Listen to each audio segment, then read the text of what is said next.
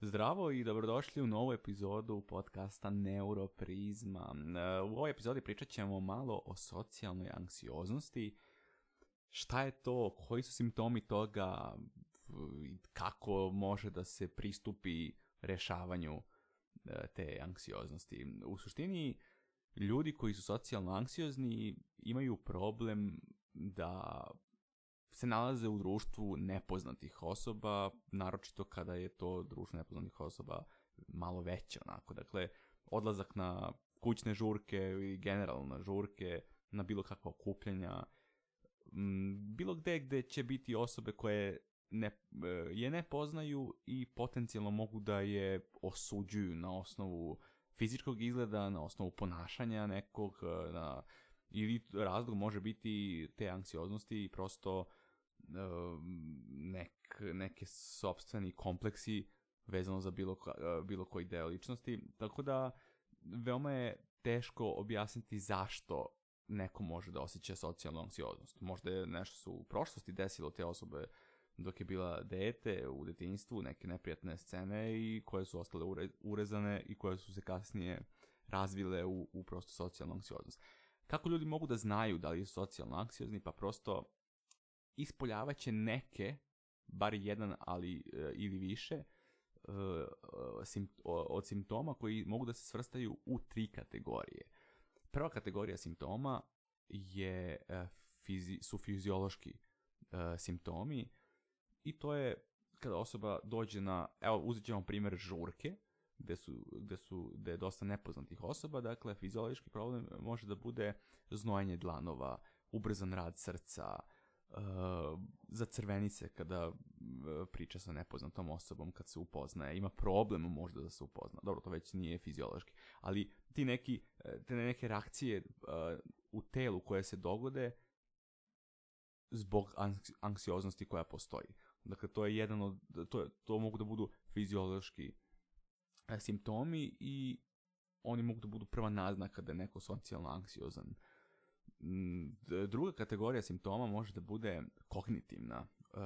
Uh, šta to znači? Pa dolaze različite čudne misli u glavu osobi koja je socijalno anksiozna. Dakle, ulazi na žurku i sad idu misli kao što su ja kako da se sad e, ponašam, e, kako da se, kako da priđem ovoj osobi, ja jao, izblamirat ću se ako kažem ovo, ja kako, kako, kako loše izgledam sad, što nisam se obukao malo bolje, pa bi se bolje možda osjećao ovako se osjećam loše.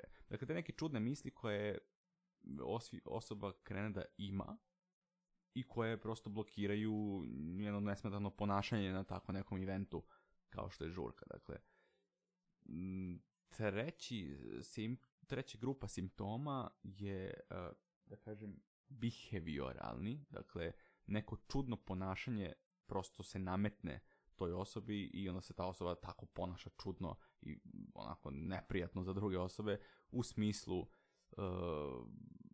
veliki pokreti rukama kada priča to, to možda bude samo način na koji neko priča, ali to možda bude zapravo i zbog anksioznosti neke. Mm, onda šta, šta još tu možda bude od behavioralnih simptoma, brzo hodanje, uh, skretanje pogleda, da, to može da bude jedan od uh, onako učestalijih simptoma, dakle da neko ima problem da drži uh, kontakt očima sa drugom osobom kada priča. Dakle, te tri kategorije su osnovne u koje mogu svi simptomi da, da se svrstaju i veoma je bitno kod socijalno anksioznih osoba da primetite simptome i da nauči da ih reše. Ali, da bi se ti simptomi rešili, neophodno je rešiti se same socijalne anksioznosti. Dakle, neko može, ako skreće pogled, da proba da natera sebe da drži kontakt očima sa drugom osobom nepoznatom na žurci, ali to ne znači da neće biti anksiozan u tom momentu.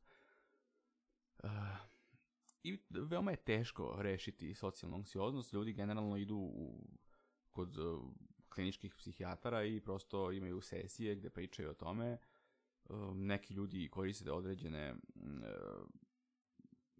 medikamente kako bi rešili, kako bi, na primjer, smanjili e, puls sebi, usporili rad srca i to bi ih činilo mirnijim na takvim nekim dešavanjima, ali moguće rešiti i samostalno socijalnu anksioznost, ali treba dosta vremena provesti razmišljajući o svim tim stvarima koje se ispoljavaju i e, pronaći razlog tog dešavanja i pronaći e, pravo, re, pravo ponašanje koje će neutralisati tu anksioznost. Moj jedan predlog koji e, može da, možda eventualno bude koristan je da, te, ne mogu da kažem da je predlog da prestane neko da razmišlja o sebi. Zato što je u suštini to glavni problem socijalne anksioznosti. Neko misli da će biti posramljen. Misli da će da se izblamira ako bude nešto rekao ili ako bude nešto uradio. Ako bude ispričao vic, misli da će svi da, pre, da, da, da se ne nasmeju na kraju vice i onda će se osjećati katastrofalno. E, I teško je reći, nemoj da misliš o sebi. Nemoj da misliš da se nećeš osramotiti, nego samo reci nešto. Jer ako nekome kažeš nemoj da misliš o nečemu, on baš tad o tome razmišlja. Dakle, ono, nemoj da misliš o sivom slonu i u glavi je samo sivi slon, sivi slon, sivi slon. Dakle, to nije možda pravilan pristup, jer će osoba svakako razmišljati o, o, o tome, prosto ugrađena je aksioznost u njoj, ali da bi se okupirala pažnja nekim drugim mislima, moj predlog je da se fokusiraš upravo na posmatranje drugih osoba na žurci. Posmatranje tih nepoznatih osoba.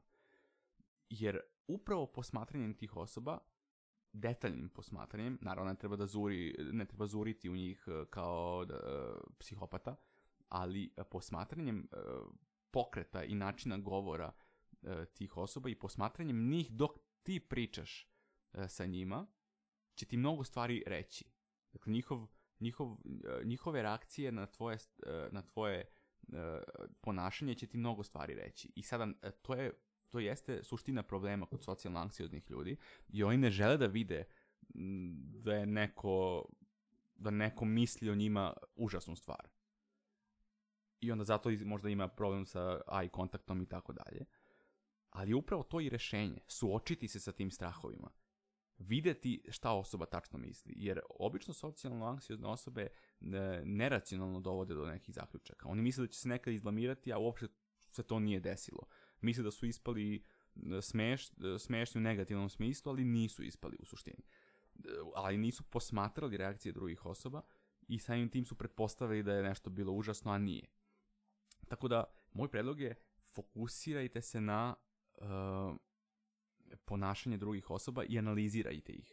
Analizirajte kako se oni ponašaju. Jer u suštini i oni to rade.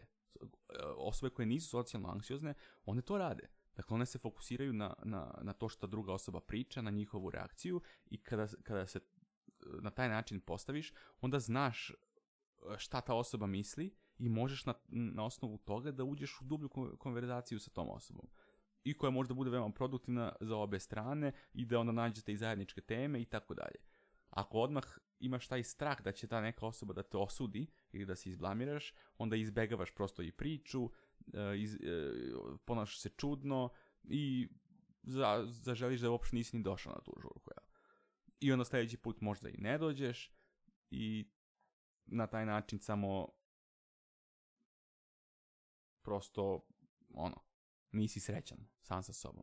Dakle, treba se suočiti sa tim strahom u tom smislu da se fokusiraš na, pona, na, na, na ponašanje drugih osoba i da na neki način i ti njih e, osuđuješ sam u sebi naravno. Dakle, sam sa sobom daj, da, e, stvaraš mišljenje o drugim osobama, analiziraš ih i na taj način okupiraš sebi pažnju da nemaš te momente gde misliš, ja bože, e, sad, će, da, sad ću ja da se izblamiram, ja šta li ovaj misli o meni, sigurno misli da sam budala mm, ili tako dalje. Dakle, to je možda neko univerzalno rješenje. U svakom slučaju, e, napišite ako imate neko, neko dodatno rešenje potencijalno za ovakav problem, u komentarima slobodno. Nadam se da je bilo e, relevantno ovo što sam e, ispričao. Hvala na slušanju i vidimo se u nekoj od sledećih epizoda. Pozdrav!